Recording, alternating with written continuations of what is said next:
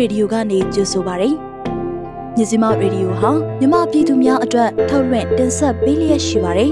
။ကျမတို့ရဲ့မြစီမရေဒီယိုကိုနေ့စဉ်ည6နာရီခွဲမှည9နာရီခွဲထိလိုင်းဒိုမီတာ16မီတာစက္ကွန်တသမခွန်3မဂါဟက်စ်ကနေပြီးတော့ဖမ်းယူနားဆင်နိုင်ပါပြီ။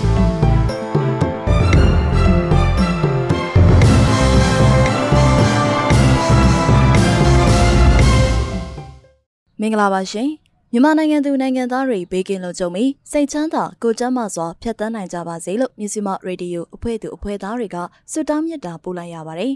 ဖေဖော်ဝါရီလ12ရက်နေ့စနေနေ့ညမြစီမရေဒီယိုရဲ့သတင်းတွေကိုကျွန်မမှုနဲ့အတူကိုနာနာတို့ကပါတင်ဆက်ပေးသွားမှာပါဒီကနေ့ညနေခင်းမှာနားဆင်ရမှာကတော့အင်းစိန်အကျဉ်းထောင်မှအကျဉ်းသား90ကျော်စတင်လွှတ်ပေးတဲ့သတင်းမြန်မာမှာ ပြည်ရင်းနေရဲ့ရွှေပြောင်းသူနှစ်ဆတိုးလာပြီးအရေးပေါ်တုံ့ပြန်မှုကို UNHCR တိုးရဆောင်ရွက်တဲ့တဲ့မငိမ့်ချမ်းကြောင်းပြသချင်တာကြောင့်နေပြည်တော်မှာရဲစခန်းပါဝင်နေရာ၃ခုကို PDF တိုက်ခိုက်တဲ့တဲ့အစရှိတဲ့ပြည်ရင်းတဲ့တွေ နှစ်90ပြည့်ပြည်တော်စုနှင့်အထူးအစီအစဉ်အနေနဲ့တိုင်းရင်းသားတော်လှန်အဖွဲ့အစည်းတွေရဲ့သဘောထားတွေကိုနားဆင်ရဖို့ရှိသလိုနိုင်ငံတကာသတင်းတွေအပတ်စဉ်တင်ဆက်ပေးနေတဲ့တန်ဆင့်အိမ်အစီအစဉ်နဲ့ BNI အစီအစဉ်ကိုလည်းနားဆင်ရဖို့ရှိပါတယ်ရှင်။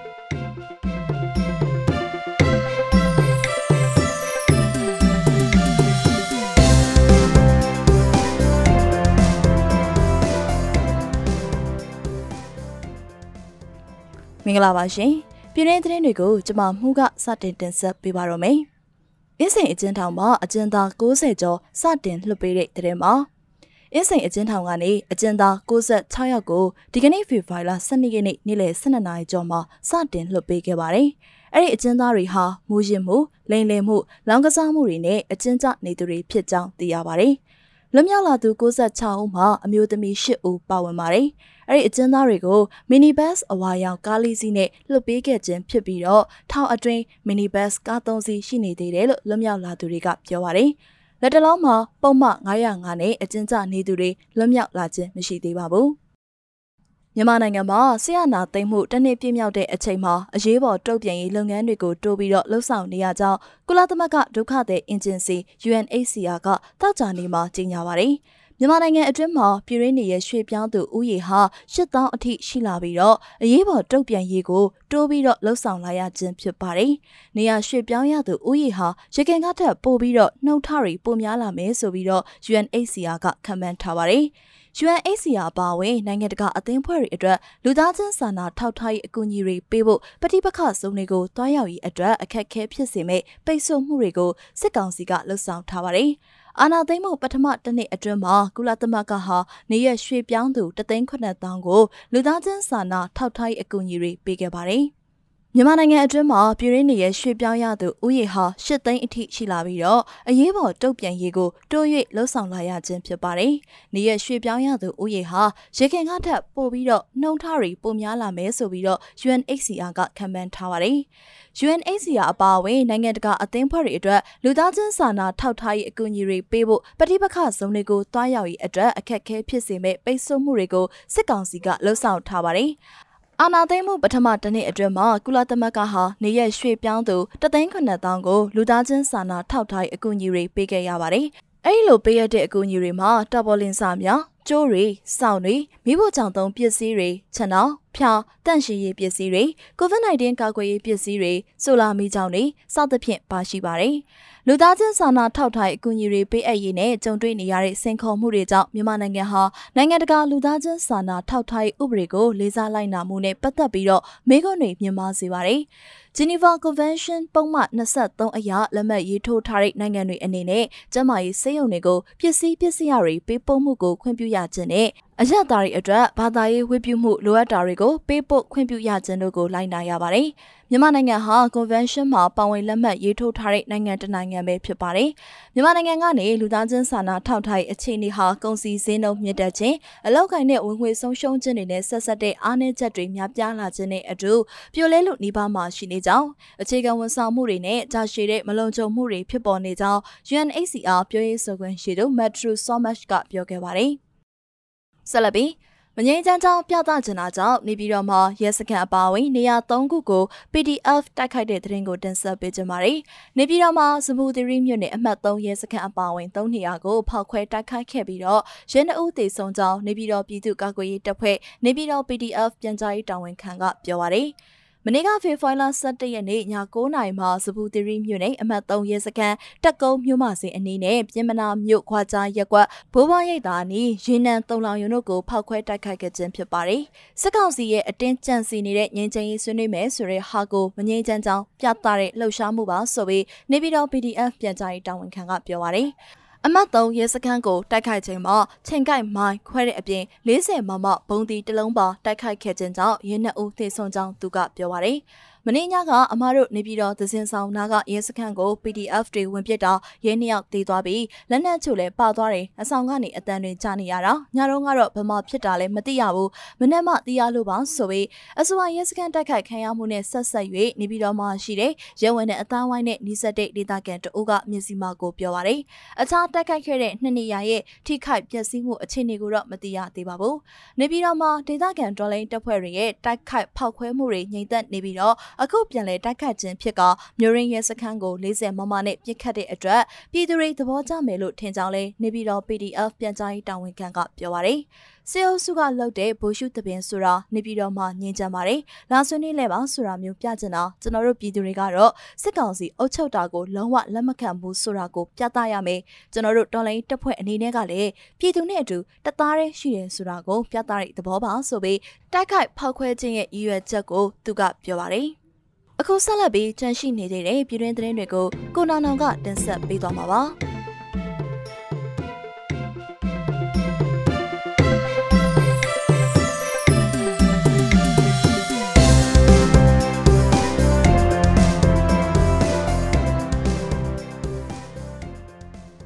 ဖလန်းမြို့နယ်မှာစစ်တပ်ထောက်ပို့ရင်တန်းကိုတိုက်ခိုက်ရာမှာစစ်သား9ဦးသေဆုံးသွားတဲ့တဲ့တင်ကိုဆက်လက်နားဆင်ရမှာပါ။ ချင်းပြည်နယ်ဖလန်းမြို့နယ်မှာရိတ်ခါတွေတင်ဆောင်လာတဲ့စစ်တပ်ထောက်ပို့ရင်တန်းကိုခြုံချိုတိုက်ခိုက်ခဲ့ရမှာစစ်ကောင်စီတပ်သား9ဦးသေဆုံးသွားတယ်လို့ဖေဖော်ဝါရီလ17ရက်နေ့မှာရှင်းအမျိုးသားကာကွယ်တပ်ဖွဲ့ CMDF ကထုတ်ပြန်ပါတယ်။ရင်တန်းရှိကလမ်းရှင်းဖို့ရှေလရင်နဲ့ပွိုင်းထွက်လာတဲ့စစ်ကောင်စီတပ်သားတွေကိုကျွန်တော်တို့ခြုံချိုတိုက်ခိုက်ခဲ့တာပါလို့ CMDF တာဝန်ရှိသူကပြောပါတယ်။ဒီကနေ့ဖေဖော်ဝါရီလ9ရက်နေ့ကလည်းဖလန်းမြို့အရှိဆိုင်ခါလာရ268တက်ကိုရိတ်ခါလာပို့တဲ့ 22စီးပါတဲ့စစ်ကောင်စီရင်တန်းကိုပါသက်ကျေးရွာအနီးမှာတိုက်ခိုက်ခဲ့တယ်လို့ဆိုပါတယ်။ကလေးမျိုးကတက်လာတဲ့အဲ့ဒီရင်တန်းကိုဖလန်းမျိုးမရောက်ခင်18မိုင်ခန့်အကွာမှာစောင့်ကြိုတိုက်ခိုက်ခဲ့က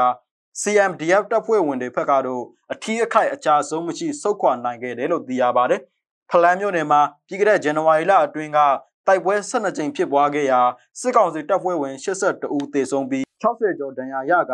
60မမ40မမအပါအဝင်လက်နက်ခဲယမ်းတွေအများအပြားသိမ်းဆည်းနိုင်ခဲ့ကြောင်းနဲ့ CMDF ရဲဘော်တအူကြာဆုံးသွားတယ်လို့သိရပါတယ်ခင်ဗျာ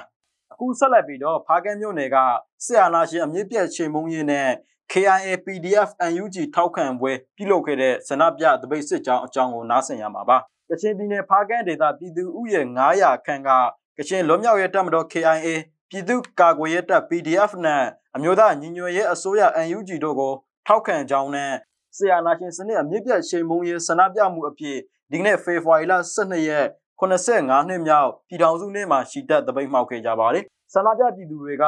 KIA PDF တိုက်ပွဲတိုင်းမှာနိုင်ပါစေ။တိုင်းရင်းသားတပ်တွေတိုက်ပွဲတိုင်းမှာနိုင်ပါစေ။ UNG အစိုးရဒို့အစိုးရအကြမ်းဖက်စစ်တပ်လုံဝအုပ်ချုပ်ခွင့်မရစေရဆီယာနာရှင်အမြင့်ပြတ်ချိန်မုံရဲ့ဒို့အရေးဖက်ဒရယ်တပ်မတော်ပေါ်ပေါက်ရဲ့ဒို့အရေးဖက်ဒရယ်ပြည်ထောင်စုပေါ်ပေါက်ရဲ့ဒို့အရေး အင်တာနက်ဖြစ်တဲ့မင်းအွန်လိုင်းအသေးဆိုးနဲ့သေပါစေຫນွေဦးတော်လှန်ရဲ့အရေးတော်ပုံအောင်ကိုအောင်ရမယ်စတဲ့ကြွေးကြော်တန်တွေနဲ့အတူရှီတက်ဆန္ဒပြသပိတ်မှောက်ခဲ့ကြတာဖြစ်ပါတယ်ခင်ဗျာကျမတို့ရဲ့မြစီမရေဒီယိုကိုနေ့စဉ်ညနေ6နာရီခွဲမှ9နာရီခွဲအထိတိုင်းတူမီတာ16မီတာစက္ကန့်တက်သမခွန်3 MHz ကနေပြီးဖမ်းယူနိုင်နိုင်ပါပြီ။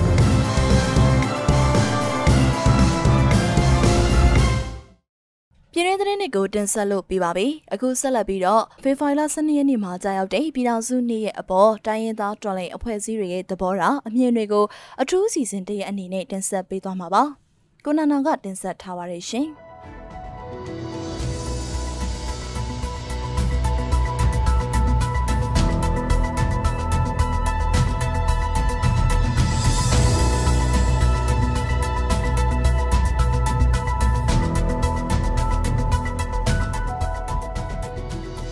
မြန်မာနိုင်ငံရဲ့အမျိုးသားခေါင်းဆောင်တွေက1949ခုနှစ်ဖေဖော်ဝါရီလ12ရက်နေ့မှာပင်လုံစာချုပ်ကိုလက်မှတ်ရေးထိုးခဲ့ကြရာဒီကနေ့မှာ85နှစ်ပြည့်မြောက်ပြီဖြစ်ပါတယ်။ဒါပေမဲ့ KSS အစိုးရတွေကပင်လုံစာချုပ်ကိုအကောင့်ထဲဖော်ဆောင်ဖို့ပြက်ကွက်ခဲ့တဲ့အတွက်နှစ်ပေါင်း80ကျော်ကြာပြည်တွင်းစစ်ကြီးအမြင့်တွေလာပြီးအခက်အခဲတွေများစွာနဲ့ရင်ဆိုင်နေရဆဲဖြစ်တယ်လို့တော်လန်ရဲ့အဖွဲ့အစည်းတွေကထောက်ပြထားကြပါတယ်။စစ်တပ်ကအာဏာသိမ်းပြီးနောက်မြန်မာနိုင်ငံနေရာအနှံ့အပြားမှာ တိုက်ပွဲတွေပြင်းထန်စွာဖြစ်ပွားနေချိန်မှာဒီကနေ့ကြာရောက်တဲ့စင်ရတုပြည်ထောင်စုနေ့ကိုအာဏာသိမ်းစစ်တပ်ကဥဆောင်ပြီးကျင်းပပြုလုပ်နေပါတယ်။အာဏာသိမ်းစစ်တပ်ကသူတို့ပြုလုပ်တဲ့ဒီကနေ့အခမ်းအနားမှာထာဝရငြိမ်းချမ်းရေးဆွေးနွေးဖို့တိုင်းရင်းသားလက်နက်ကိုင်အဖွဲ့အစည်းတွေကိုဖိတ်ခေါ်ခဲ့ပေမဲ့အင်အားကြီးတိုင်းရင်းသားလက်နက်ကိုင်တော်လှန်ရဲအဖွဲ့အစည်းတွေအပါအဝင်အများစုမတက်ရောက်ခဲ့တာကိုတွေ့ရပါတယ်။ဒီကနေ့ကြာရောက်တဲ့ပေလုံစာချုပ်85နှစ်ပြည့်သဘောထားအမြင်နဲ့သုံးသပ်ချက်တွေကို တိုင်းရင်းသားလက်နက်ကင်တော်လှန်ရဲအဖွဲ့အစည်းတွေဖြစ်တဲ့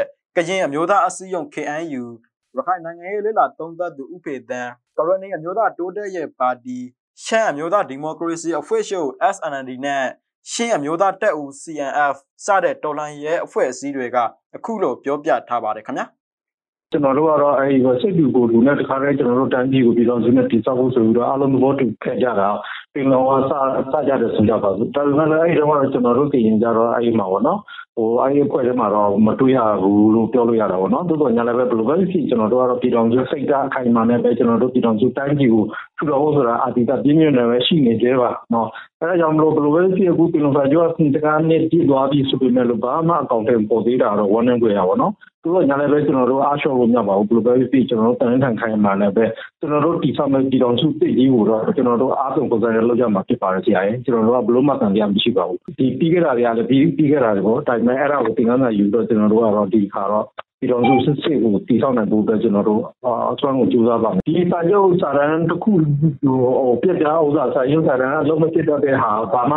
ဖြစ်လာတဲ့ဟာအဓိကအချက်ကတော့ အဲ့ဒီကိုင်ကန်စီကိုတိုင်ရောအထူးသဖြင့်စေကိုတော်တွေပါဝင်တဲ့စေကိုတော်တွေဟိုနိုင်ငံရေးအဓိကလုံးဝမရှိတဲ့ချက်ပဲဆိုတာကလက်မထိုးရင်ထိုးတော့ညာလည်းတကယ်တမ်းအကောင့်တွေပေါ်တဲ့အခါမှာလောက်စင်တိုင်နေမရှိဘူးဆန္ဒလုံးဝမရှိဘူး။အာအပေါ်ရန်ကြောတာလေအဲ့လောက်တဲ့ဟာတွေကတော်တော်များပါတယ်။အဲ့ဒါကျွန်တော်တို့လက်ရှိကြုံတွေ့နေတဲ့အခြေအနေပဲ။အဲ့ဒါကြောင့်မို့စာချုပ်စာချုပ်တိုင်းမှာဒီလိုမျိုးဖြစ်ပေါ်လာတာ80ရာခိုင်နှုန်းအထက်မှာရှိတယ်။အဲ့ဒါရပါလဲဆိုတော့အကောင့်တွေမပေါ်ခြင်းပဲ။ ကျွန်တော်တို့တုံ့ပြန်ပြီးများပြဿနာအဲ့ဒါပဲ။အဲ့ဒါအကောင့်တွေပေါ်မယ်ဆိုတော့အခက်အခဲတွေရှိမှာပဲလေ။သူ့အနေနဲ့လည်းအဲ့ဒီအခက်အခဲကကျွန်တော်တို့ဘယ်လိုဖြစ်ရှင်းရမယ်ဆိုတာဒါကဟိုနီလန်းတွေရှိပါတယ်နော်။အဲလုံးဝအကောင့်တွေပေါ်ခြင်းစိတ်မရှိဘူးဆိုရင်တော့ဒါဘယ်လိုမှအလုပ်ဖြစ်ပါဘူး။အဲ့ဒါကြောင့်ကျွန်တော်တို့ကအဲ့ဒီ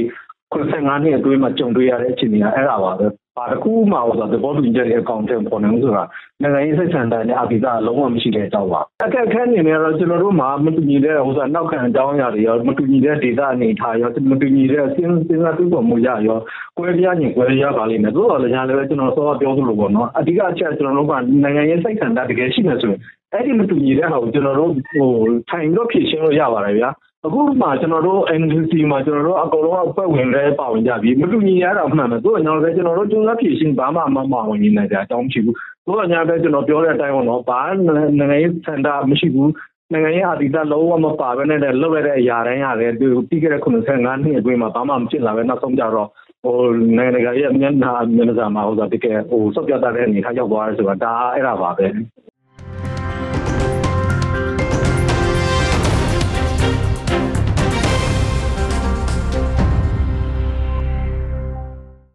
အစီအလုံးနဲ့ပတ်သက်ပြီးတော့လက်မချိုးခဲ့ရတဲ့ဒီပေါ့နော်တိုင်းသားတွေအကုန်လုံးလည်းပါလာတော့မဟုတ်ဘူးအဲဆိုတော့ဘာကြည့်ရအဲဒီတောင်းနေဆိုတာ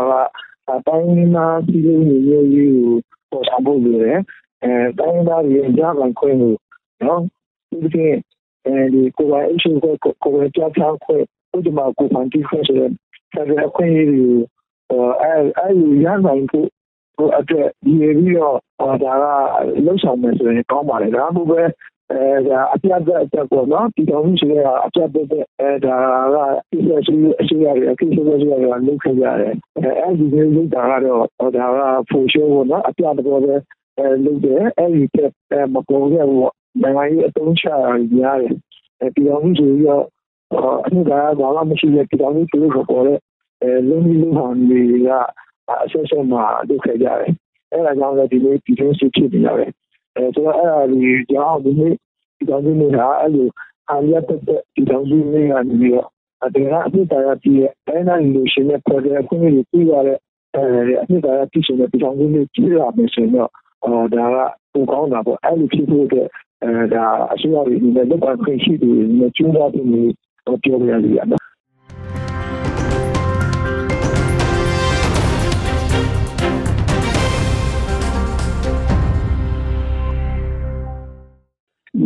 လိုဆန်ချုပ်ကိုဆိုတဲ့ပေါ်စောဖို့ဆိုတာကတော့အများကြီးဟိုလောက်ရယူရအောင်မှဖြစ်တယ်ချို့ကလေဟိုဆက်ဟာဆမှုမရှိတော့ဘူးနော်ပီလိုပီလိုဆန်ချုပ်ချုပ်ဆိုခဲ့တော့တော့အာအားလုံးအတွက်မဟုတ်ခုနကကျွန်တော်ပြောသလိုပဲပေါ့လေအားလုံးမှာမပါဝေဘူးမပါဝေတဲ့နောက်ပိုင်းမှာကဒီဟာကိုအကောက်ထပေါ်မနေလေ ဒီတိဆွဲမဲ့အပိုင်းတွေအများကြီးဟိုရှိနိုင်သေးတယ်။ငါတော့ကျွန်တော်တို့ဒီရှစ်ဆက်မှာအကောက်ထပေါ်စောဖို့ဆိုတာကအာလက်မတစ်ချိန်တော့လက်မထုတ်ခဲ့တဲ့အာတိုင်းသားတွေတဲ့ဖြေကောင်းရှိနိုင်ကြမယ်လက်မမထုတ်ခဲ့တဲ့ဟိုတိုင်းသားဟိုဒီတွေ့တော့တော်လေးချဖို့ဖြစ်ပါတယ်အဲ့ဒါကိုအားလုံးပံဝင်နေတဲ့စနေမှုဒီအများကြီးလောက်ဝမှတာလေးဒီအကောက်ထပေါ်နေလို့ကျွန်တော်တို့တော့မြင်တယ် ဒီတော့ဆူလေးလောက်တာတော့ဒါတော့ရေချက်ကောင်းတစ်ခုအနေနဲ့လုပ်ပြီးမဲ့လေလက်ရှိအစိုးရအဒီစစ်ကောင်စီအနာတိုင်းစစ်ကောင်စီရဲ့လုပ်တဲ့ပုံမှာတော့အာဘယ်လိုမှတိုင်းနာဒီအပါဝေပါလေအားလုံးတော်လာနေတဲ့လူတွေအားလုံးအတွက်တော့ဟိုဘာမှကြိုးရှိလာမှာမဟုတ်လို့တော့ကျွန်တော်တို့မြင်တယ်အာတခြားတစ်ဖက်မှာကอืมတခြားတိုင်းနာနဲ့ကပြည်စည်းတွေပါဝေတဲ့အ စုဖွဲ့မှုတစ်ခုကနေသူတို့လောက်တာတွေရှိတယ်အဲ့ဒါကတော့နိုင်ငံရေးဆွေးနွေးတဲ့အခါကဒါပြည်လုံးရဲ့ပြည်လုံးစာချုပ်ရဲ့အနိဒါရကိုပေါ်ပြကြတာဒီကြားပါလေအဲ့ဒီအပေါ်မှာလည်းတော့မလည်းလည်းဟိုပူကောင်းတဲ့လို့တော့ကျွန်တော်တို့ပူပါမြင်ပါတ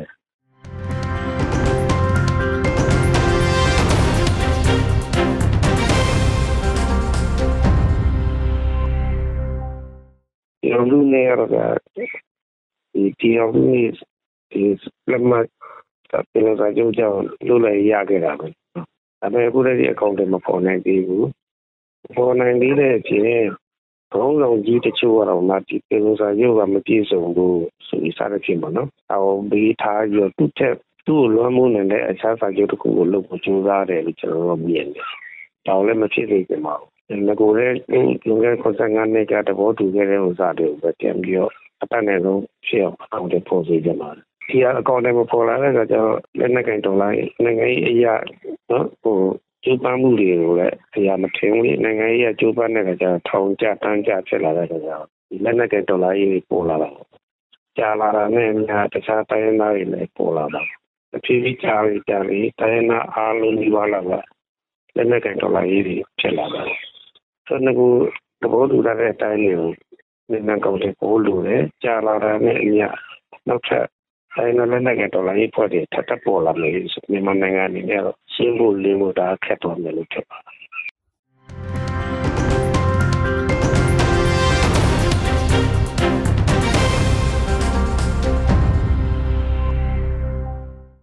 ယခုနှစ်မှာကြာရောက်မဲ့ဒီ85နှစ်ပြည့်ပြည်ထောင်စုနှစ်အတွက်တော့ကျွန်တော် ဝမ်းသာကုန်ယူပါတယ်။သို့တော့ဒီပြည်ထောင်စုဆိုတာကျွန်တော်တို့ဗမာအပါအဝင်ချင်းကချင်ရှမ်းတိုင်းသားတွေ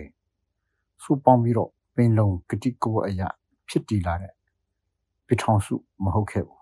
တကယ်တော့ဒီပြည်ထောင်စုဟာပင်လုံမှာလွတ်လပ်မှုတန်းတူမှုကိုအခြေခံပြီးတော့ဒီကိုပိုင်ပြတ်ထန်းခွင့်အပြည့်အဝရှိတဲ့ Federal ပြည်ထောင်စုမျိုးဖြစ်စေချင်တာ ဖြစ်မလာခဲ့ဘူးဒါကြောင့်ဒီပြည်ထောင်စုဆိုတာကျွန်တော်တို့တိုင်းသားတွေအတွက်တော့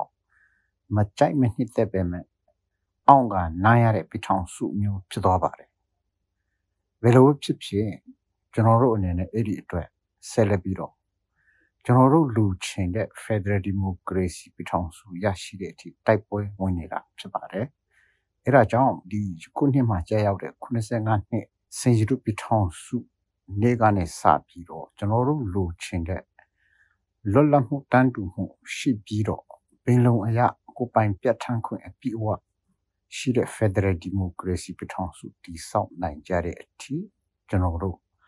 အားလုံးပါဝင်သောပြည်သူတော်လှန်ရေးအဖြစ်ဆက်လက်ပြီးတော့တိုက်ပွဲဝင်သွားဖို့ကျွန်တော်တိုက်တွန်းချင်ပါတယ်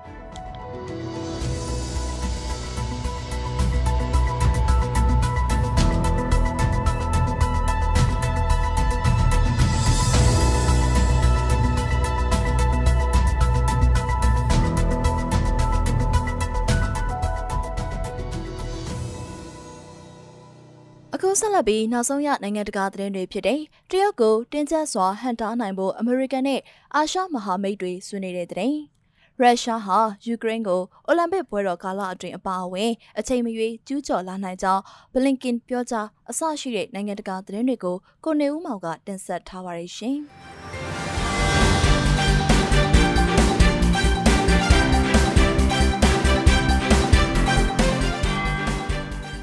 American, Australia, ဂျပန်နဲ့အိန္ဒိယတို့ရဲ့ထိပ်တန်းတန်တမန်တွေဟာ၎င်းတို့ရဲ့လေးနိုင်ငံမဟာမိတ်ဖွဲ့မှုပုံမခိုင်မာစေရန်အတွက်ဖေဖော်ဝါရီလ17ရက်တောက်ကြနေ့ကမဲလ်ဘုန်းမှာတွေ့ဆုံခဲ့ကြပြီးအာရှပစိဖိတ်ဒေသအတွင်းတရုတ်နိုင်ငံရဲ့ပါဝါချက်ထွင်လာမှုတွေကိုဟန်တားနိုင်ဖို့ဆွေးနွေးတိုင်ပင်ခဲ့ကြပါတယ်။ မိမိတို့ဟာလက်တွေ့ကြကြပူးပေါင်းဆောင်ရွက်မှုအတွက်ကတိကဝတ်ပြုထားတဲ့ Liberal Democracy နိုင်ငံတွေရဲ့အရေးပါတဲ့ကွန်ရက်တစ်ခုဖြစ်ပြီး Indo-Pacific ဒေသတွင်းနိုင်ငံများအားလုံးအကြက်ကင်မှုမှကင်းဝေးပြီးကိုယ်ပိုင်ဆုံးဖြတ်ချက်များချမှတ်နိုင်အောင်အာမခံချက်ပေးနိုင်ဖို့ကတိပြုထားပါတယ်လို့ Australia နိုင်ငံသားရေးဝန်ကြီး Marie Spain ကတောက်ကြနေ့ဆွေးနွေးပွဲမတိုင်မီပြောကြားခဲ့ပါတယ်။ လက်ရှိမှာဝါရှင်တန်အနေနဲ့ယူကရိန်းပေါ်ရုရှားရဲ့ချင်းချောက်မှုတွေကိုအာရုံစိုက်နေပေမဲ့ရေရှည်အာရုံစိုက်ရမှာကဒေတာရင်းကိုချင်းချောက်နေတဲ့တရုတ်ရဲ့လွှမ်းမိုးလာမှုဖြစ်ပါတယ်လို့အမေရိကန်နိုင်ငံသားရေးဝန်ကြီးအန်တိုနီဘလင်ကန်ကပြောကြားခဲ့ပါတယ်။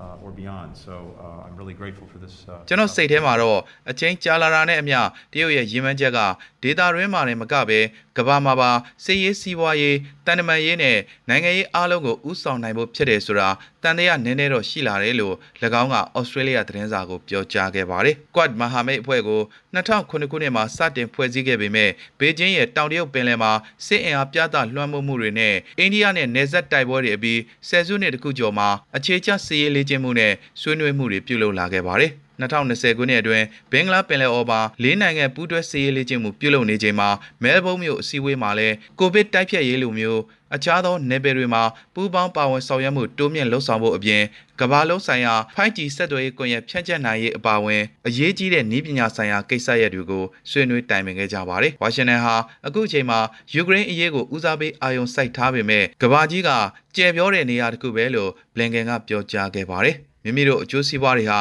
ကမ္ဘာလုံးဆိုင်ရာအကျိုးစီးပွားပဲဖြစ်ပြီးအာရှပစိဖိတ်နဲ့အင်ဒိုပစိဖိတ်ဒေသတွေအပေါ်အတူတူအာရုံစိုက်ထားတယ်ဆိုတာအားလုံးသိပါတယ်လို့၎င်းကဆိုပါတယ်ရုရှားဟာယူကရိန်းနယ်စပ်မှာ တပ်ဖွဲ့ဝင်တွေထပ်မံတိုးမြင့်ချထားလျက်ရှိပြီးဖေဖော်ဝါရီလ20ရက်မှာပြီးဆုံးမဲ့အိုလံပစ်ပွဲတော်ကာလအတွင်းအပါအဝင်အချိန်မရွေးကျူးကျော်ဝင်ရောက်နိုင်ခြင်းရှိကြောင်းအမေရိကန်နိုင်ငံသားရေးဝန်ကြီးအန်တိုနီဘလင်ကန်ကဖေဖော်ဝါရီလ17ရက်တောက်ကြနေ့ကပြောကြားခဲ့ပါတယ်။အိုလံပစ်ပွဲတော်ကာလအတွင်းအပါအဝင်အချိန်မရွေးကျူးကျော်လာနိုင်ခြင်းရှိနေတာကိုရှင်းရှင်းလင်းလင်းမြင်တွေ့နေရတယ်လို့မဟာမိတ်တရုတ်နိုင်ငံကိုအနောက်ရှက်မဖြစ်အောင်အိုလံပစ်ပွဲပြီးတဲ့အထိစောင့်နေတယ်ဆိုတဲ့အယူဆတွေကိုလက်မခံတဲ့ဘလင်ကန်ကဆိုပါတယ်။ရှင်းရှင်းပြောရရင်ရုရှားရဲ့အင်အားတိုးမြင့်နေတဲ့အလွန်စိတ်ပူစရာအရေးအယောင်တွေကိုကျွန်တော်တို့မြင်နေရပါတယ်လို့ Quad မဟာမိတ်အဖွဲ့ဝင်ဖြစ်တဲ့ Australia, India, ဂျပန်တို့နဲ့တွေ့ဆုံပွဲအပြီးဘလင်ကန်ကပြောကြားခဲ့ပါတယ်။ American အနေနဲ့ရုရှားနဲ့တန်တမန်ရေးရာကွဲလွဲမှုတွေကိုဖြေရှင်းဖို့အလွန်ဆန္ဒရှိကြောင်းဘလင်ကန်ကဆိုပါတယ်။ရုရှားနဲ့ထိတွေ့ဆက်ဆံနိုင်ဖို့အတက်နိုင်ဆုံးကြိုးပမ်းနေတယ်လို့တစ်ချိန်တည်းမှာပဲကာကွယ်ရေးအတွက် တားဆီးမှုတွေပြက်ပြက်သားသားလှုပ်ဆောင်နေတာကြောင့်ရုရှားအနေနဲ့နောက်ထပ်ရန်စတဲ့လမ်းကြောင်းကိုရွေးချယ်ခဲ့မယ်ဆိုရင်ကြီးမားတဲ့အကျိုးဆက်တွေကိုရင်ဆိုင်ရလိမ့်မယ်လို့ဘလင်ကန်ကပြောကြားခဲ့ပါတယ်။ စစ်ပွဲဟာပုံမနိကတ်လာပြီဖြစ်ကြောင်းလူသိရှင်ကြားအချက်ပြမှုအဖြစ်ယူကရိန်းမှာရှိတဲ့အမေရိကန်နိုင်ငံသားတွေကိုချက်ချင်းထွက်ခွာဖို့တမ်မတဂျိုးဘိုင်ဒန်ကတိုက်တွန်းလိုက်ချိန်မှာဘလင်ကန်ရဲ့အခုလိုမှတ်ချက်ထွက်ပေါ်လာခဲ့တာဖြစ်ပါတယ်။အမေရိကန်နိုင်ငံသားတွေအနေနဲ့ယူကရိန်းကနေချက်ချင်းထွက်ခွာပါလို့ဘိုင်ဒန်က NBC သတင်းဌာနနဲ့အင်တာဗျူးမှာပြောကြားခဲ့ပါတယ်။ကျွန်တော်တို့ဟာကမ္ဘာပေါ်မှာရှိတဲ့အကြီးဆုံးစစ်တပ်တွေကတခုနဲ့ရင်ဆိုင်နေရပါတယ်။ ဒါဟာအလွန်ကွဲပြားခြားနားတဲ့အခြေအနေတစ်ခုဖြစ်ပြီးဘာမဆိုဖြစ်လာနိုင်ပါတယ်လို့ဘိုင်ဒန်ကဆိုပါတယ်။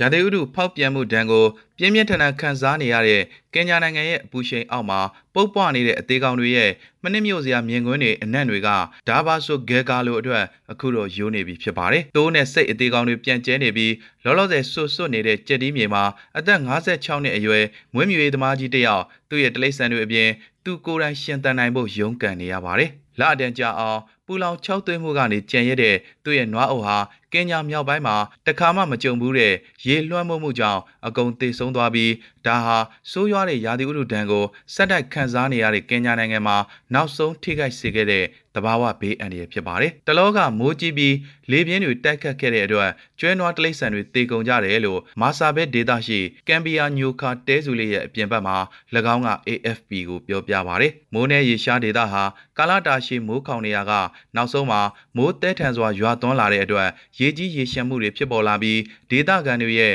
အသက်မွေးဝမ်းကြောင်းရာမွေးမြူရေးတိရစ္ဆာန်တွေတေဆုံးစေခဲ့ပါတယ်။ဒီဖြစ်ရဆိုးကြီးမှာအရင်းမြစ်တွေအားလုံးဆုံးရှုံးသွားတာကြောင့်တကယ့်ကိုကြီးမားတဲ့ဆုံးရှုံးမှုတစ်ခုပဲလို့ဂယ်ဂါဒိုကပြောပြပါတယ်။ အရင်ကစိတ်အကောင်900လောက်ရှိရင်အခု9ကောင်ကနေအကောင်20လောက်ပဲကျန်တော့တယ်လို့၎င်းကဆက်ပြောပါတယ်။ကမ္ဘာမှာနေရထိုင်ရအစမပြေဆုံးဒေသတစ်ခုဖြစ်တဲ့အရှေ့အာဖရိကရဲ့၆သွေးတဲ့ဒေသကခြေသလုံးအိမ်တိုင်းမွေးမြူရေးသမားတွေဟာရေနဲ့စကြက်မြေတွေကိုအလူရက်ရှာဖွေရင်း ဆယ်စုနှစ်များစွာကြာအောင်ရာသီဥတုဖောက်ပြန်မှုကိုရင်ဆိုင်ဖြေရှင်းဖို့တင်ယူခဲ့ကြရပါတယ်။ဒါပေမဲ့ထင်မှတ်မထားတဲ့ရာသီဥတုပြောင်းလဲမှုဘေးအန္တရာယ်တွေက၎င်းတို့ရဲ့ခန္ဓာရည်အားကိုအညာတာကဲမဲ့စွာစမ်းသပ်နေစေဖြစ်ပါတယ်။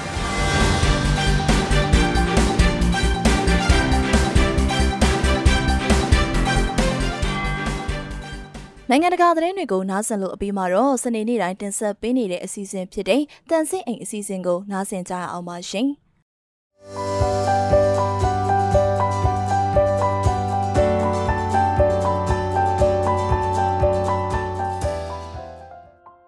မင်္ဂလာပါချစ်တို့ရဲ့လေးလိုင်းပေါ်ကတိုင်ပင်ပေါ်ရင်ဖွင့်ပေါ်လေးတန်စင်ပါ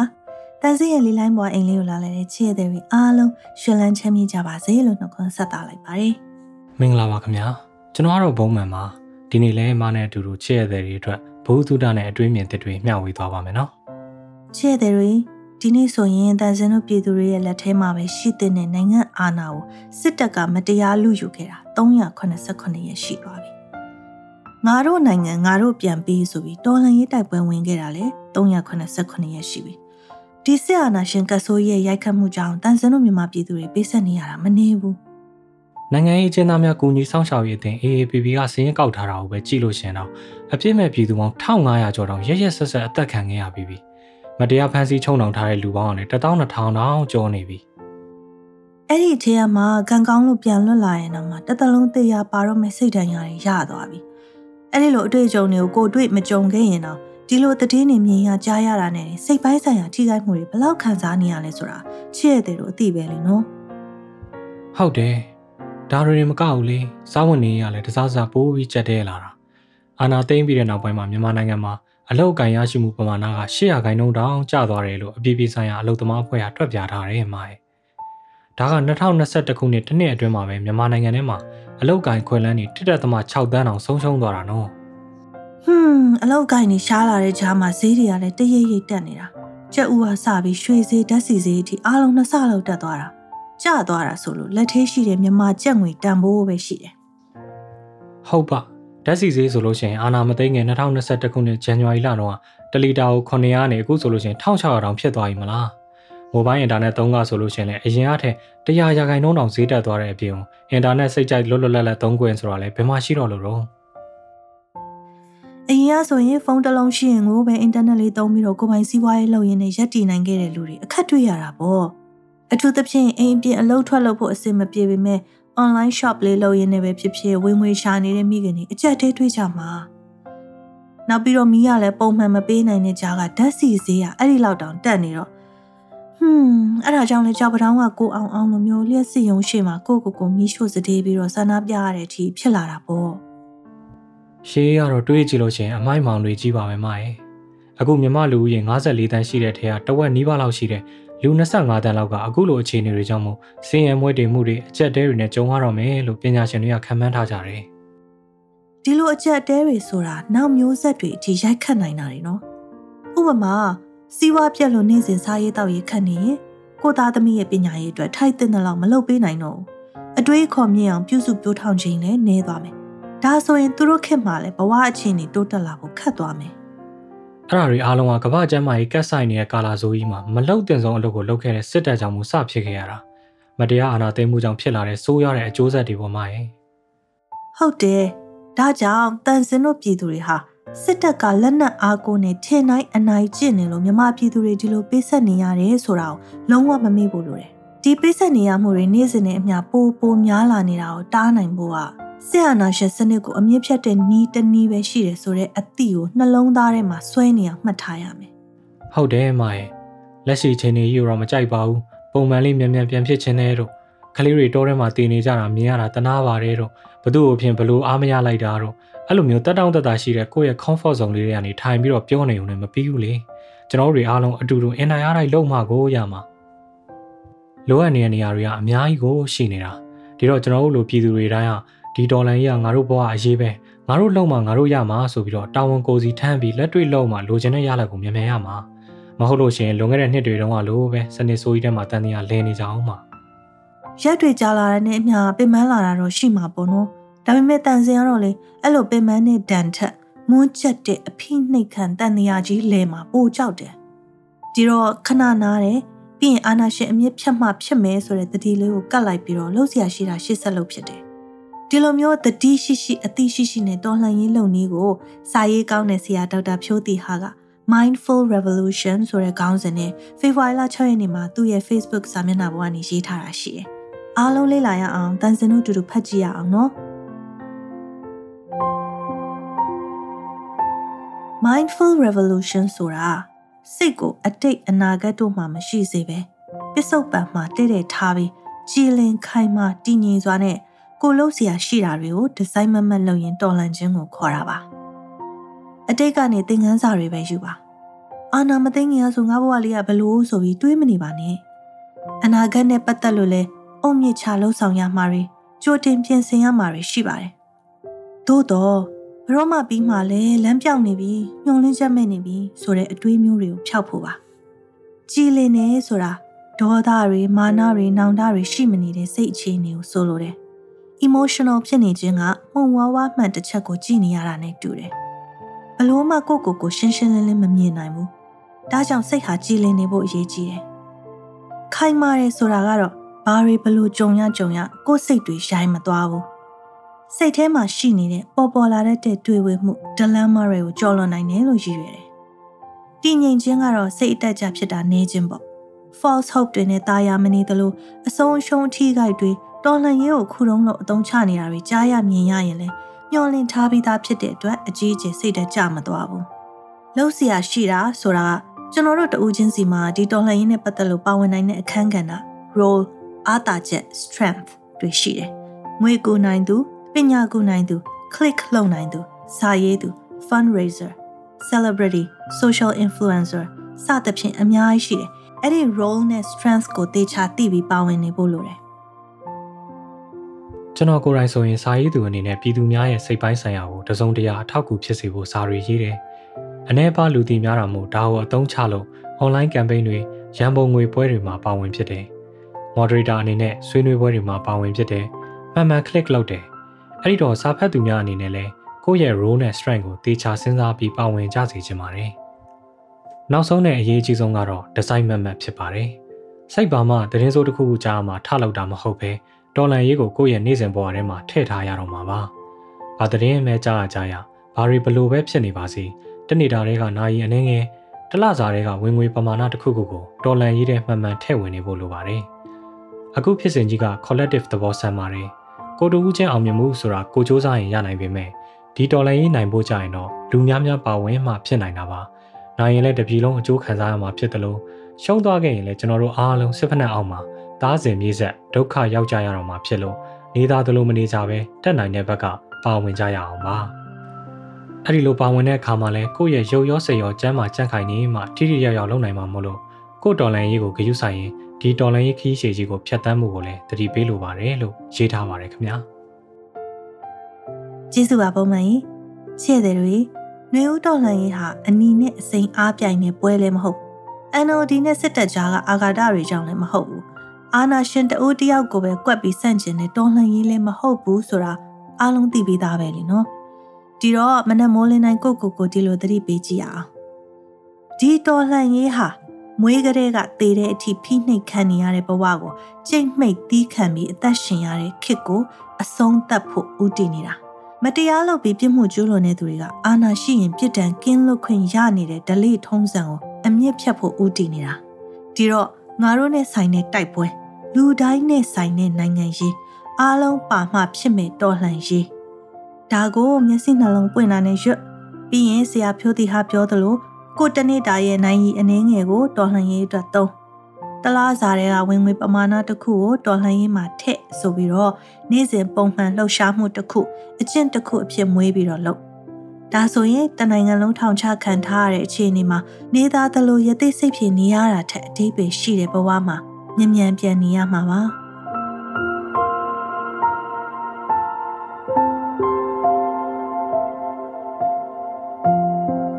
ခြေသည်တွေအခုဆက်ပြီးတော့တန်စင်းအိမ်ကိုစာရေးပြီးရင်ဖွင့်လာတဲ့ကိုဝင်းကိုလွင်ရဲ့စာလေးကိုပုံမှန်ဖတ်ပြတာနားထောင်ရအောင်နော်ကျွန်တော်ငငယ်ကလေးကအင်ဂျင်နီယာတိတ်ဖြစ်ချင်တာ ကျွန်တော်အထက်တန်းတက်တုန်းကနေခဲ့တဲ့မျိုးလေးကစောင်းနှင်းဆိုအရန်ကြီးတာ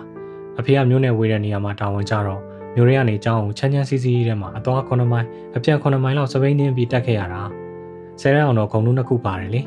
အပြင်တက်ကတူတွေကလည်းမဖွင့်သေးငငယ်ကလေးကလည်းအလေးပြုခံရတာတို့အလေးပြုရတာကြိုက်တယ်စီးနဲ့ကန်နဲ့နေရတာလည်းအဖေကြောင့်မို့ကျန်သားရနေပြီးသားဆိုတော့အင်ဂျင်နီယာဖြစ်ချင်စောနဲ့ DSDA ဝင်ဝင်ဝင်ဖြေလိုက်တယ်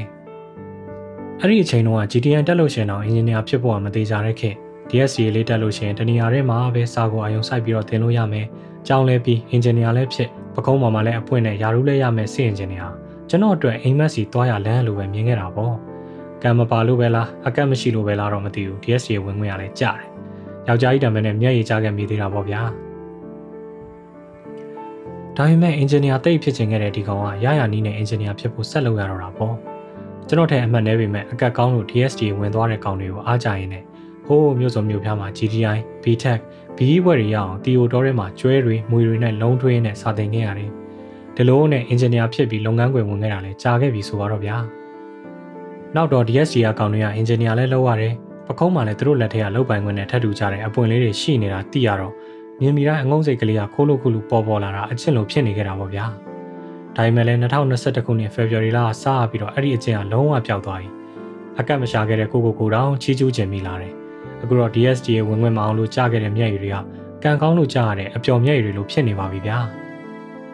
အခုတော့အင်ဂျင်နီယာချင်းချင်းပေမဲ့အခုချိန်အထိအာနာရှင်ကိုအသုံးတော်ခံနေကြတဲ့စစ်အင်ဂျင်နီယာတငယ်ချင်းတွေကိုပညာသင်မာနမရှိလေခြင်းဆိုပြီးတော့မချိတင်ခဲ့ဖြစ်လုံးလို့အသိဝင်အောင်ခေါင်းသာနာနာခောက်ချင်မိပါတော့တယ်ဗျာကိုဝင်းကိုလည်းရေတန်စင်ကတော့ခေါင်းခောက်ရုံနဲ့အားမရဘူးတိလားနင်တို့ခေါင်းထဲမှာအုံနောက်မဟုတ်ပဲဘာတွေရှိနေသလဲဆိုပြီးတော့ကင်ကင်စောင့်ချင်မိတာပဲ ကိုဝင်းကိုလည်းတော့မကောင်းတဲ့နည်းလမ်းမသုံးမဲနဲ့ကိုတမိုင်းကိုရေးရေးရေးခဲ့တဲ့အတွက်အကုန်ယူမိပါတယ်ရှင်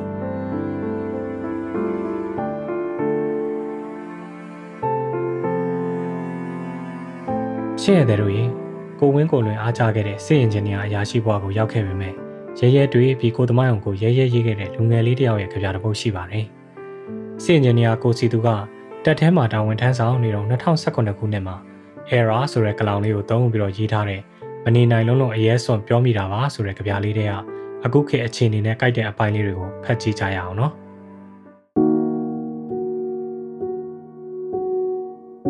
ကျွန်တော်တို့စစ်အင်ဂျင်နီယာတွေအတွက်ဆောင်ပုဒ်လေးတစ်ခုရှိတယ်။ We're soldiers first ကျွန်တော်တို့ဒီစစ်သားများသာလို့ဘာသာပြန်ပြလိုက်တယ်။စစ်သားဘဝဟာကျွန်တော်တို့ရဲ့ပထမဦးစားပေး။ဘာနဲ့ရှင်ရင်လဲဆိုတော့အင်ဂျင်နီယာဘဝနဲ့ရှင်ရင်။ဒါပေမဲ့ ကျွန်တော်တို့ဒီနိုင်ငံသားများသာကျွန်တော်တို့ဒီပြည်သူများသာဒါမှကျွန်တော်တို့ရဲ့ပထမဦးစားပေး။အချို့အခြားအာဏာပိုင်နိုင်ငံအတွင်းမှာနေထိုင်နေကျွန်တော်ဟာပြည်သူတယောက်ဖြစ်ပဲခံယူထားတယ်။တကယ်တမ်းသစ္စာခံရမယ်အနစ်နာခံရမယ်စွန့်လွတ်ရမယ်စွန့်စားရမယ်အိုးနောက်ဆုံးအသက်ပေးရမယ်ဆိုရင်တော့ပြည်သူအတွက်ပဲဖြစ်ရမယ်ဒါကျွန်တော်ထွင်ပြီးအဖို့လို့ပြောတာမဟုတ်ဘူးဒီလိုပဲဖြစ်ရမှာဒါဟာစစ်သားရဲ့ဝတ္တရားပဲ ဒီနေရာမှာပေးဆက်ပုံဟာကဏ္ဍကွဲလာတယ်ဆရာဟာနိုင်ငံသားတွေကိုပညာရေးထောက်ပံ့မှုပေးရမယ်ဆရာဝန်ဟာနိုင်ငံသားတွေကိုကျန်းမာရေးထောက်ပံ့မှုပေးရမယ်စစ်သားတွေဟာနိုင်ငံသားတွေရဲ့လုံခြုံရေးနဲ့အသက်အန္တရာယ်အတွက်ကာကွယ်မှုပေးရမယ်ဘာလို့လို့စွန့်လွှတ်ရပါတယ်ဆရာဟာပညာနဲ့အချိန်ကိုစွန့်လွှတ်ရတယ်ဆရာဝန်ဟာလည်းပညာနဲ့အချိန်ကိုစွန့်လွှတ်ရပြန်တယ်စစ်သားကတော့ကြံတဲ့သူတွေထက်တစ်ခုပိုတယ်လိုအပ်ခဲ့ရင် အသက်ကိုပါစွန့်လွှတ်ရတယ်လက်ရှိစစ်သားတိုင်းဟာပေးဆက်သူတွေပါလို့ကျွန်တော်ဆိုလိုတာမဟုတ်ပါဘူးနိုင်ငံတကာမှာရှိတဲ့စစ်သားတယောက်ရဲ့တာဝန်နဲ့ဝတ္တရားကိုပြောပြတာစစ်သားကိုအယောင်မဆိုးပဲစစ်သားလို့ပဲမြင်ကြည့်သူတို့ဟာနိုင်ငံတနိုင်ငံရဲ့အားအကိုရဆုံးလူဒန်းစားတရက်ပဲစစ်သားစစ်စစ်တွေကိုဆိုလိုပါတယ်အမျိုးသားရင်ကြားမစိတဲ့ကျွန်တော်တို့နိုင်ငံမှာစစ်သားနဲ့ပြည်သူဟာသွေးကွဲနေပါတယ်တချို့ကလည်းဆိုတယ် ငါတို့ကအာနာရှင်ကိုပဲမုန်းတာစစ်သားကိုချစ်ပါတယ်တဲ့တချို့ကတော့ဒီပုတ်ထဲကဒီဘဲတွေကြီးပါပဲတဲ့စစ်သားတွေဘက်ကရောဘလောက်စစ်သားပြီးသားကြလဲပထမဆုံးစစ်သားတယောက်ရဲ့တာဝန်ကဘာလဲလို့မေးရင်ပြည်သူအသက်အိုးအိမ်စီးစိမ်ကိုစောင့်ရှောက်ရမယ်လို့ဖြေရမှာပဲစစ်တပ်ဖြစ်ပေါ်လာရခြင်းအကြောင်းရင်းကိုဟာပြည်သူတွေအတွက်ပဲစကားအကုန်ပြောရရင်စစ်တပ်ရဲ့အကြီးဆုံးကာကွယ်ရေးဦးစီးချုပ်က ဒီပြည်သူတွေကိုတတ်လို့အမိန့်ပေးခဲ့ရင်ဒီအမိန့်ကိုညှင်းဆန်ရလိမ့်မယ်စစ်သားဟာအမိန့်နာခံရတယ်တဲ့ဟုတ်တော့လဲဟုတ်ပါတယ်ဒါပေမဲ့စစ်သားတယောက်ရဲ့အရေးကြီးဆုံးတာဝန်ထက်ဘာကိုမှကြော်ပြီးနာခံစရာမလိုဘူးစစ်သားဆိုတာကာကွယ်ရေးဦးစီးချုပ်ရဲ့အမိန့်ကိုနာခံဖို့စစ်သားဖြစ်လာတာမဟုတ်ဘူးပြည်သူကိုစောင့်ရှောက်ဖို့စစ်သားဖြစ်လာတာဘယ်အရာကပထမဦးစားပေးလဲသိရှင်းပါတယ်တက်ချုပ်ရဲ့အမိန့်ကိုနာခံလိုက်ရင် ကျွန်ကောင်းတော့ဖြစ်သွားမယ်စစ်သားကောင်းတော့ဖြစ်လာမှာမဟုတ်ဘူးအဲ့ဒီကျွန်ဟာပြည်သူသစ္စာဖောက်ပဲတိုင်းပြည်သစ္စာဖောက်ပဲပြည်သူကိုသစ္စာမခံပဲဘယ်သူတဦးတယောက်ကိုသစ္စာခံမှာလဲရှစ်လေးလုံးရေးခင်းမှာကျွန်ကောင်းတွေအများကြီးထွက်ပေါ်ခဲ့တယ်လေကိုစီသူကပြလေးတွေကစစ်သားရဲ့တာဝန်ဆိုတာပြည်သူကိုစောင့်ရှောက်ရမယ် ကာကွယ်ရေးဦးစီးချုပ်ကြီးကပြည်သူကိုတတ်လို့အမိန်ပေးရင်တော့လိုက်နာတယ်ဆိုရင်ပြည်သူသစ္စာဖောက်ပဲတိုင်းပြည်သစ္စာဖောက်ပဲကာကွယ်ရေးဦးစီးချုပ်ရဲ့အမိန့်ကိုနာခံမှုစစ်သားဖြစ်လာတာမဟုတ်ဘူးပြည်သူကိုစောင့်ရှောက်ဖို့စစ်သားဖြစ်လာတာဆိုတော့စစ်သားပြည်သားခြင်းနဲ့သူ့ရဲ့စေရနာအရင်းမြစ်ကိုမြင်သားစေပါတယ်ဒါကြောင့်လည်းအချုံနောင်ကိုမကြောက်ဖဲနဲ့သူရင်ဆိုင်ခဲ့တာလို့ထင်တာပါပဲဟုတ်တယ်တန်စရာတော့2019ဆိုတဲ့ဒီမိုကရေစီအလင်းရောင်ရာစာခေတ်တွေမှာကိုစီသူတို့လိုပြည်သူ့ချစ်ကိုတကယ်ရချင်တဲ့စစ်သားကောင်းတွေ တကယ်ဖြစ်စေချင်တဲ့လူတွေလည်းရှိနေခဲ့ဘူးပါလားလို့သိရတော့အဲ့ဒီအတိုင်းသာဆက်သွားနိုင်ခဲ့ရင်ဆိုပြီးနှမျောမိတယ်တစ်ဖက်ကကြည့်ရင်လည်းပြည်သူဘက်ကပဲရက်တဲ့နေဆိုတာဒီလောက်မြင်သာထင်သာတဲ့အခြေအနေမှာတော့ကိုစီသူ့လိုရဲရဲတွေးပြက်ပြက်သားသားလုံနိုင်တဲ့တတ်တိမျိုးမရှိတဲ့စစ်သားတွေကိုမြင်မိပြန်တော့ဒေါသထွက်မိတယ်။မိုင်းအခုကတော့တကောင်လုံးပြီးနောက်ပြန်ဆုပ်လို့မရတဲ့အချိန်ကိုတော့ရောက်နေပြီ။ဆရာပြောတရားပြောသလိုတော်လန်ရဲ့အလုပ်ကိုကိုယ့်ရဲ့နေ့စဉ်ပုံမှန်လှုပ်ရှားမှုတစ်ခု အချင်းတစ်ခုလိုမွေးယူပြီးတော့ကျွန်တော်တို့လက်နဲ့ကျွန်တော်တို့ရဲ့အောင်မြင်မှုကိုအရယူဖို့ပဲရှိတော့တာ။ဟုတ်တယ်။ပြောင်းနေရအောင်တိုက်ဖို့ပဲရှိတယ်။အားမလျှော့ခြင်းနော်။ကဲချစ်တို့ရေဒီနေ့တော့ဒီမှာပဲတန်စင်ရနေနှုတ်ဆက်လိုက်တော့မယ်နော်။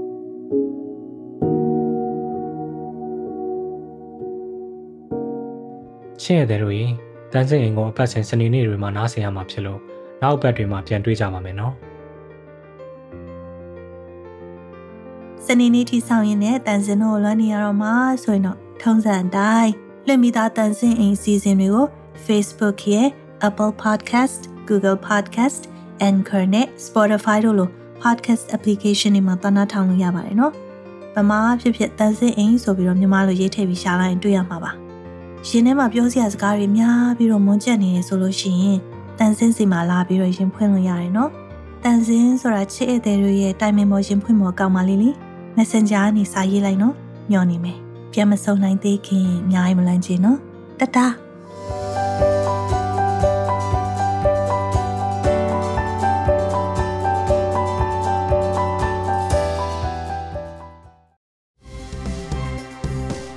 မြစီမရေဒီယိုကိုနေ့စဉ်ညနေ6နာရီခွဲမှ9နာရီခွဲအထိတိုင်းတူမီတာ16မီတာ7.3တက်မှခွန်3 MHz ကနေပြီးဖမ်းယူနိုင်စင်နိုင်ပါပြီ။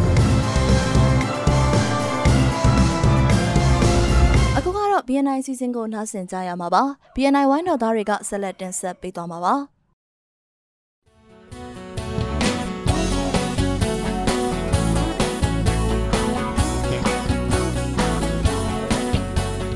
္ဂလာပါရှင်နိုင်ငံတကာမြန်မာသတင်း BNN ရဲ့ဒီကနေ့ဖေဖော်ဝါရီလ12ရက်နေ့ပြည်ထောင်စုနဲ့အတန်ရွက်အစီအစဉ်တွေကိုစတင်နေပါပြီ ဒီအစီအစဉ်ကတော့တိုင်းသားဒေသတွေတဲကသတင်းတွေတိုင်းသားတွေရဲ့အတန်နဲ့အမြင်တွေကိုစုစည်းတင်ဆက်ပေးထားတာဖြစ်ပါတယ်နေ့စဉ်မြန်မာစံတော်ချိန်ညနေ9:15မိနစ်ကနေ9:00ခွဲအထိလိုင်းတူ16မီတာ19.3 MHz မှာဖမ်းယူနားထောင်နိုင်ပါတယ်။ကျွန်မကအာမီပါ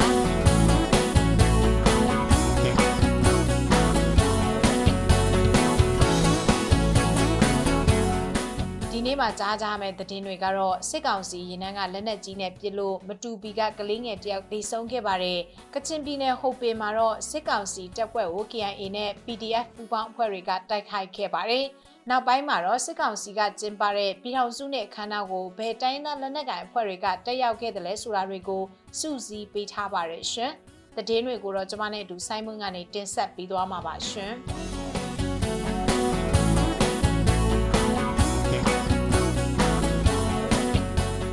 ချင်းပြည်နယ်မတူပီမြို့ကနေမင်းတပ်ဖက်တွားတဲ့စစ်ကောင်စီရင်တန်းကလက်နက်ကြီးနဲ့ရန်တမ်းပစ်ခတ်မှုတွေကြောင့်အတက်9နှစ်အရွယ်ចောင်းသားတအူလက်နက်ကြီးကြီးထိမှန်ပြီးပွဲချင်းပြီးတေဆုံးသွားတယ်လို့မင်းတပ်မြို့နယ်ပြည်သူ့အုပ်ချုပ်ရေးတရင်အဖွဲ့ကထုတ်ပြန်ပါတယ်ဖေဖော်ဝါရီလ9ရက်နေ့ကဖြစ်ပွားခဲ့တာပါစစ်ကောင်စီတပ်ကမင်းတပ်မြို့နယ်ထဲရှိကျေးရွာတွေဘက်ကိုလက်နက်ကြီးနဲ့ပစ်ခတ်လို့ ကျေးရွာနေအိမ်ပျက်စီးမှုတွေလည်းရှိပါတယ်အဲ့ဒီနေ့မှာပဲစကိုင်းတိုင်းကနေချင်းပြည်နယ်ဘက်တက်လာတဲ့စစ်ရင်တန်းကိုကလေးမြို့နယ်တောင်ပိုင်းရန်ကြီးအောင်ကျေးရွာနားမှာ PDF ကလေး CNDF CDF KKG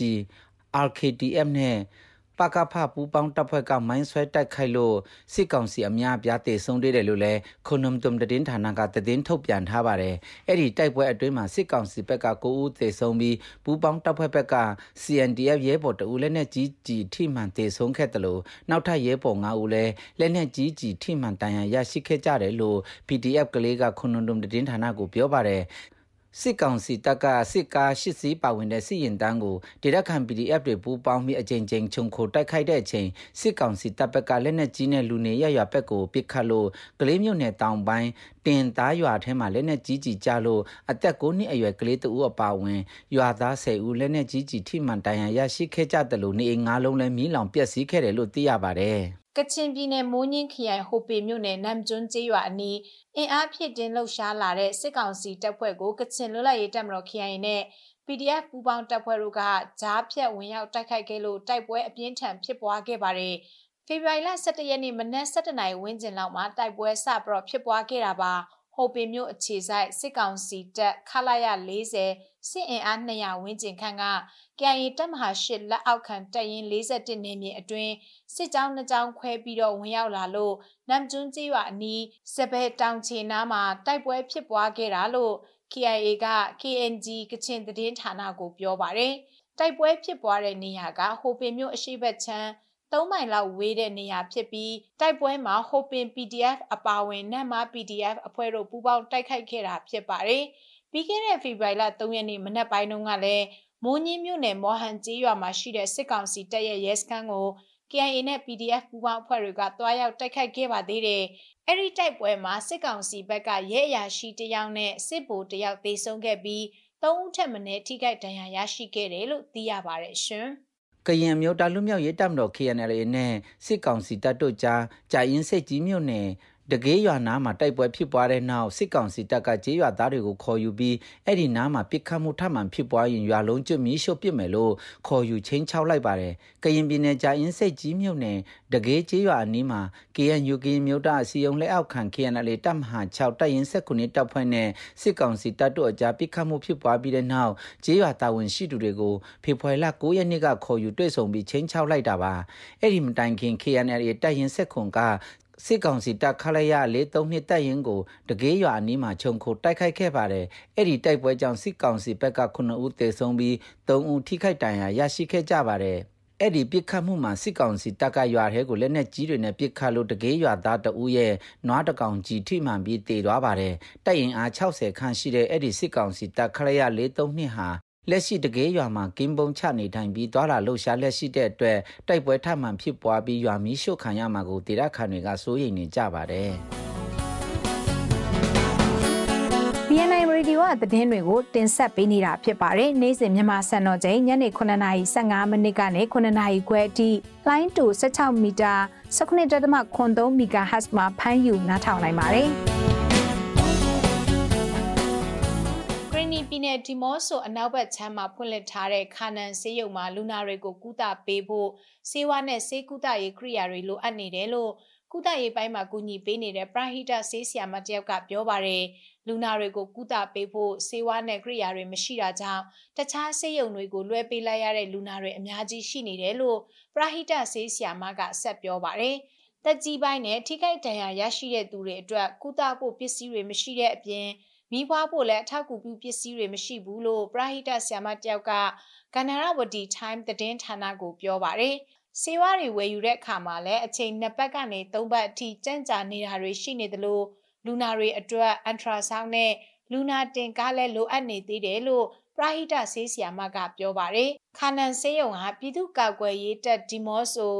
DMO PDF ကနေဦးဆောင်ပြီးတော့2022ခုနှစ်ဇန်နဝါရီလ24ရက်နေ့မှာဖွင့်လှစ်ခဲ့တာဖြစ်ပါတယ်။နေ့စဉ်တနင်္လာနေ့ကနေတောက်ကြနေ့အထိမနက်၈နာရီကနေညနေ၄နာရီအထိဖွင့်လှစ်ထားပြီးတော့ကျမရေးဌာနက CDM ဆရာဝန်တွေသူနာပြုတွေတားဖွားဆရာမတွေကစေကုသပေးနေတာဖြစ်ပါတယ်။တရက်ကိုပြန်ပြလူနာအယောက်30အထိကုသပေးနေပြီးတော့စနေနေ့နဲ့တနင်္ဂနွေနေ့တွေကိုအရေးပေါ်လူနာတွေကိုပဲလက်ခံကုသပေးတယ်လို့သိရပါတယ်။ ကရီနီပြည်နယ်မှာစစ်ပေးဒုက္ခသည်3,900ကျော်ရှိနေပြီးတော့ကျန်းမာရေးဆိုင်ရာစေကူတာခွင့်အခက်အခဲတွေလည်းရှိနေပါတယ်ရှင်။ နေပြည်တော်မှာပြည်ထောင်စုနှစ်အခမ်းအနားကိုစစ်ကောင်စီကဦးစီးကျင်းပနေချိန်ရခိုင်ပြည်နယ်ရှိမြို့နယ်၃ခုကတော့အင်တာနက်ဖြတ်တောက်ခံထားရပါတယ်။အင်တာနက်ဖြတ်တောက်ခံထားရတဲ့မြို့နယ်တွေကတော့စစ်တွေကြောက်ဖြူနဲ့တန်တွဲမြို့နယ်တို့ဖြစ်ပါတယ်။ IDK မှာအင်တာနက်လိုင်းမရှိရင်အလုပ်မဖြစ်ဘူး။ပန်စနစ်လဲလဲပတ်လို့မရတဲ့အတွက်စစ်ကောင်စီကပြည်ထောင်စုနှစ်ကိုဗန်းပြပြီးလှုပ်ချင်တယ်လို့လုပ်နေကြတယ်လို့ ကြောက်ဖြူမြို့နယ်ကူရာရခိတိအဖွဲ့ဥက္ကဋ္ဌဦးဂျပန်ကပြောပါတယ်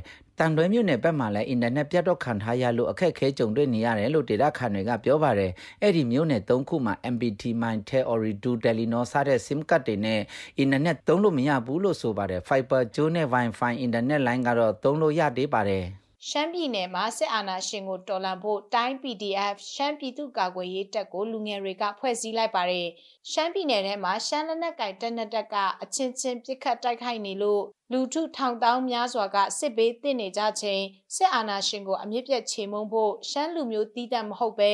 ရှမ်းပြည်နယ်မှာရှိတဲ့လူမျိုးဘာသာမရွေးစစ်အာဏာရှင်စနစ်ကိုတော်လှန်နေသူမှန်သမျှကြိုးဆိုတယ်လို့တိုင်း PDF ကပြောပါတယ်။ အကြမ်းဖက်စစ်အာဏာရှင်ကိုအမြင့်ပြတ်အဆုံးတိုင်တိုက်ထုတ်သွားမှာဖြစ်ပြီးပြည်သူလူထုရဲ့အသက်အိုးအိမ်စည်းစိမ်တွေကိုကာကွယ်စောင့်ရှောက်သွားမှာဖြစ်တဲ့အပြင်အကြမ်းဖက်စစ်အာဏာရှင်စနစ်ကိုတွန်းလှန်တိုက်ထုတ်နေတဲ့ဘယ်အဖွဲ့အစည်းနဲ့မဆိုမဟာမိတ်ပူးပေါင်းဆောင်ရွက်သွားမယ်လို့လည်းတိုင်း PDF ထုတ်ပြန်ချက်ထဲမှာရေးသားထားပါတယ်။တိုင်း PDF အနေနဲ့အမျိုးသားညီညွတ်ရေးအစိုးရ NUG နဲ့ပြည်ထောင်စုလွှတ်တော်ကိုစားပြုကော်မတီ CRPH တို့ရဲ့လမ်းညွှန်ဦးစီးမှုအောက်ကနေ လိုက်နာဆောင်ရွက်သွားမယ်လို့လည်းထုတ်ပြန်ထားပါတယ်ရှင်။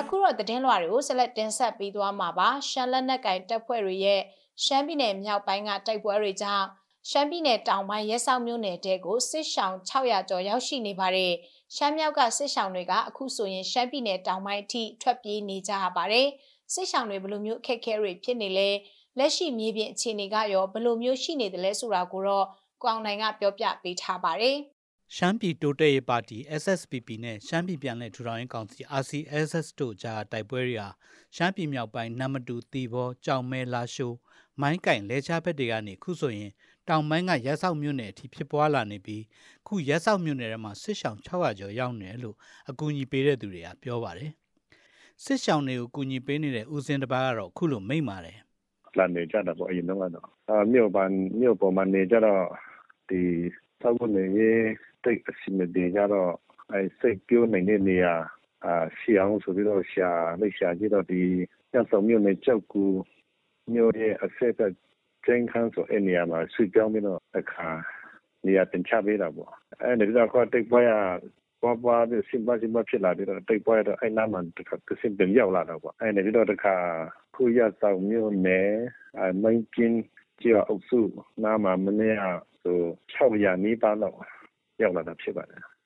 ပြီးခဲ့တဲ့အင်္ဂါနေ့နဲ့ဗုဒ္ဓနေ့တွေမှာတော့ရဲဆောက်မြို့နယ်နောင်ဝိုကြောက်ကူရွာတွေမှာ RCSS နဲ့ SSPP တို့ကြားတိုက်ပွဲတွေပြင်းထန်ခဲ့တဲ့အတွက်ဒေသခံအချို့ကတိုက်ပွဲဖြစ်တဲ့ကြောက်ကူရွာမှာပိတ်မိနေခဲ့ပါတယ်။အဲ့ဒီတိုက်ပွဲမှာစစ်ကောင်စီဘက်ကလည်းလေရင်နဲ့လာပစ်ခဲ့ပါတယ်။ ကြောက်ကူရွာမှာပိတ်မိနေတဲ့စစ်ရှောင်းတွေကကြာသာပရင်းနေ့မှာတော့စစ်ဘေးလွတ်ရာနေရာကိုထွက်လာနိုင်ခဲ့တယ်လို့ကူညီပေးနေတဲ့သူတွေကပြောပါတယ်။တိုက်ပွဲဖြစ်ပွားတဲ့အကြောင်းရင်းကိုတော့ SSPP ပြောရေးဆိုခွင့်ရှိသူဗိုလ်မှူးဆိုင်ဖုံးဟန်ကအခုလိုပြောပါတယ်သူအာဆီယံနဲ့ကြည့်တဲ့ကိစ္စက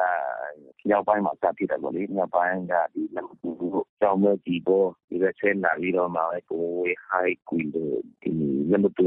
မြေကိုကျော်ဖြတ်ပြီးမှရတော့ဒီရောက်လာတော့ အမှန်ကျဒီတိုက်ပွဲကဒီမြောက်ပိုင်းရဲ့အသက်တိုက်ပွဲရဲ့အဆက်လို့ပြောလို့ရပါတယ်နှစ်ဖက်ကြားအကြိမ်ကြိမ်တွဲဆုံဆွေးနွေးနေကြပေမဲ့အခုချိန်ထိညှိနှိုင်းလို့မရတဲ့အတွက်တိုက်ပွဲတွေဆက်ဖြစ်နေရတာလို့ SSPP ကပြောပါတယ်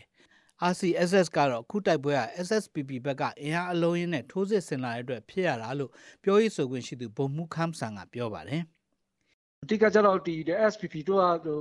အင်အားအလုံးရင်းနဲ့ထိုးစစ်ဆင်လာတာပေါ့အဲညှိနှိုင်းတာတော့ရှိတယ်ခင်ဗျဒီကို နှစ်ဖက်စလုံးမှာကော်မတီတွေရှိတယ်ခင်ဗျဒါပေမဲ့ညှိနှိုင်းနေဆိုပေမဲ့တရားဝင်စီဝေးကြတော့မဖြစ်မြောက်ခဲ့ဘူးပေါ့နော်ရှမ်းလက်နက်ကင်နှစ်ဖွဲ့ကြားစစ်ရေးပဋိပက္ခတွေတိုက်ပွဲတွေရပ်တန့်ရေးရှမ်းပြည်သူတွေတန်ဃာတော်တွေရှမ်းအရက်ဖက်အဖွဲ့အစည်းတွေကဇက်တိုက်တောင်းဆိုထားကြပေမဲ့ဒီနေ့အချိန်ထိနှစ်ဖက်ကြားတိုက်ပွဲတွေကမရပ်တန့်နိုင်သေးပဲစစ်ရှောင်းတွေလည်းထပ်ထပ်ပြီးတော့တိုးနေတာဖြစ်ပါတယ်ဆက်ပြီးတော့ဒီနေ့မှာကျင်းပနေတဲ့ထာဝရငြိမ်းချမ်းရေးအတွက်ဖိတ်ခေါ်ခြင်းနဲ့စင်ရတုပြည်ထောင်စုနဲ့အခမ်းအနားကို RCSS SSA SSPP SSA ရခိုင်ပြည်လွတ်မြောက်ရေးပါတီ ALP KNU KNLA PC ကရင်ငြိမ်းချမ်းရေးကောင်စီမွန်ပြည်သစ်ပါတီ NMSP ဝပြည်သွေးစည်းညီညွတ်ရေးပါတီ UWSA နဲ့မိုင်းလာ MNDA အဖွဲ့တို့ကကိုယ်စားလှယ်တွေရောက်နေတယ်လို့သိရပါတယ်။ရှမ်းအဖွဲ့တွေတက်ရောက်မှုနဲ့ပတ်သက်ပြီးတော့စောပွေးကတင်ဆက်ပေးထားပါတယ်ရှင်။ရှမ်းပြည်ပြည်လဲထူထောင်ရေးကောင်စီ RCSS နဲ့ရှမ်းပြည်တိုးတက်ရေးပါတီ SSPP နှစ်ဖွဲ့စလုံးက စစ်ကောင်စီကကျင်းပတဲ့ပြည်ထောင်စုနေ့ခမ်းနားအတွက်ကိုယ်စားလှယ်လွတ်ထားတယ်လို့ပြောကြပါတယ်။ဒါပေမဲ့လည်းနောက်ဆက်တွဲကျင်းပမဲ့ထာဝရညီချင်းရေးအတွက်အကျိုးဆွေးနွေးပွဲကိုတော့တက်မှာမဟုတ်ဘူးလို့ပြောပါတယ်။ရှမ်းပြည်တိုးတက်ရေးပါတီ SSPP ပြောရေးဆိုခွင့်ရှိသူဗိုလ်မှူးဆိုင်ပုံဟန်က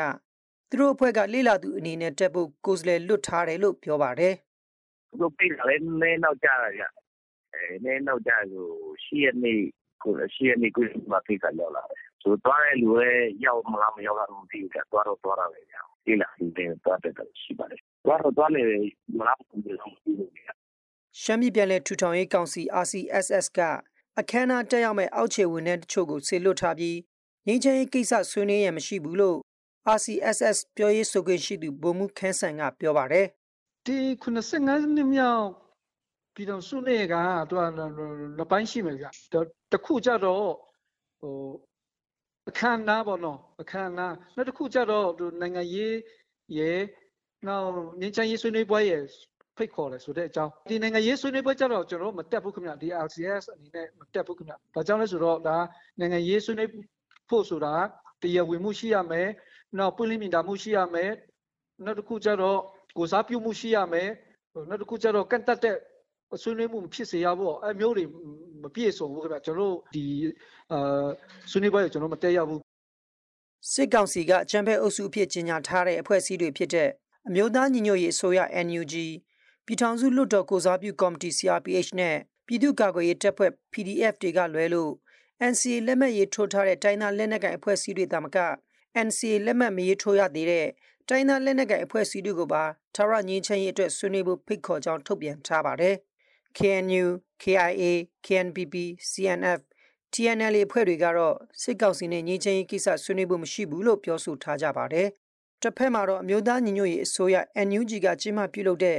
စရင်တုပြည်ထောင်စုနေ့အွန်လိုင်းအခမ်းအနားမှာတော့ကချင်လွတ်လပ်ရေးတပ်မတော် KIA စစ်ဦးစီးချုပ်ဗိုလ်ချုပ်ဂန်ရှောင်ကမိန့်ခွန်းပြောကြားခဲ့ပြီးနိုင်ငံပေါင်း24နိုင်ငံကတနမန်ကိုယ်စားလှယ်တွေတက်ရောက်ခဲ့ကြပါတယ်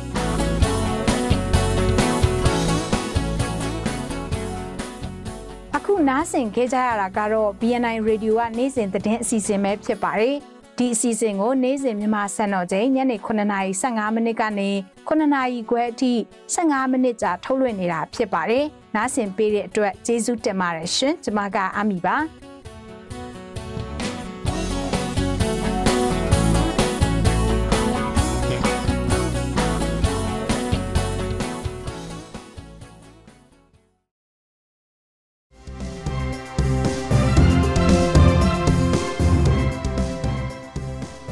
မြစီမရေဒီယိုရဲ့ဒီကနေ့ညရဲ့သတင်းတွေကတော့ဒီလောက်ပါပဲမြန်မာနိုင်ငံသူနိုင်ငံသားပေါင်းဆရာနာရှင်ဘေးကနေကင်းဝေးပြီးကိုယ်စိတ်နှစ်ပါးကျန်းမာချမ်းသာပါစေလို့မြစီမရေဒီယိုအဖွဲ့သားတွေကဆုတောင်းမြတ်တာပို့သလိုက်ရပါတယ်မြန်မာပြည်သူတွေနဲ့အတူရက်တည်နေမဲ့မြစီမရေဒီယိုပဲဖြစ်ပါတယ်နားဆင်ကြတဲ့သူတွေအားလုံးကျန်းမာကြပါစေရှင်မင်္ဂလာရှိတဲ့ညချမ်းကိုပိုင်ဆိုင်နိုင်ကြပါစေရှင်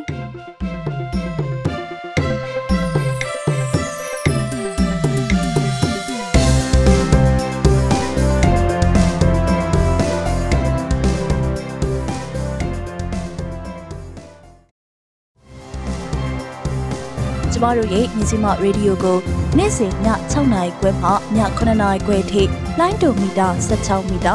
စက္ကွန်တသမခွန်3 MHz ကနေပြီးတော့ဖမ်းယူနားဆင်နိုင်ပါပြီ။မြစီမရေဒီယိုကိုနားမစင်လိုက်ရတဲ့သူတွေအနေနဲ့မြစီမ News and Farmy Page 108 Page မြစီမ YouTube Channel မြစီမ Website Podcast Application Podcast Anchor Podcast တွေမှာလည်းပြန်လည်နားဆင်လို့ရပါတယ်နော်။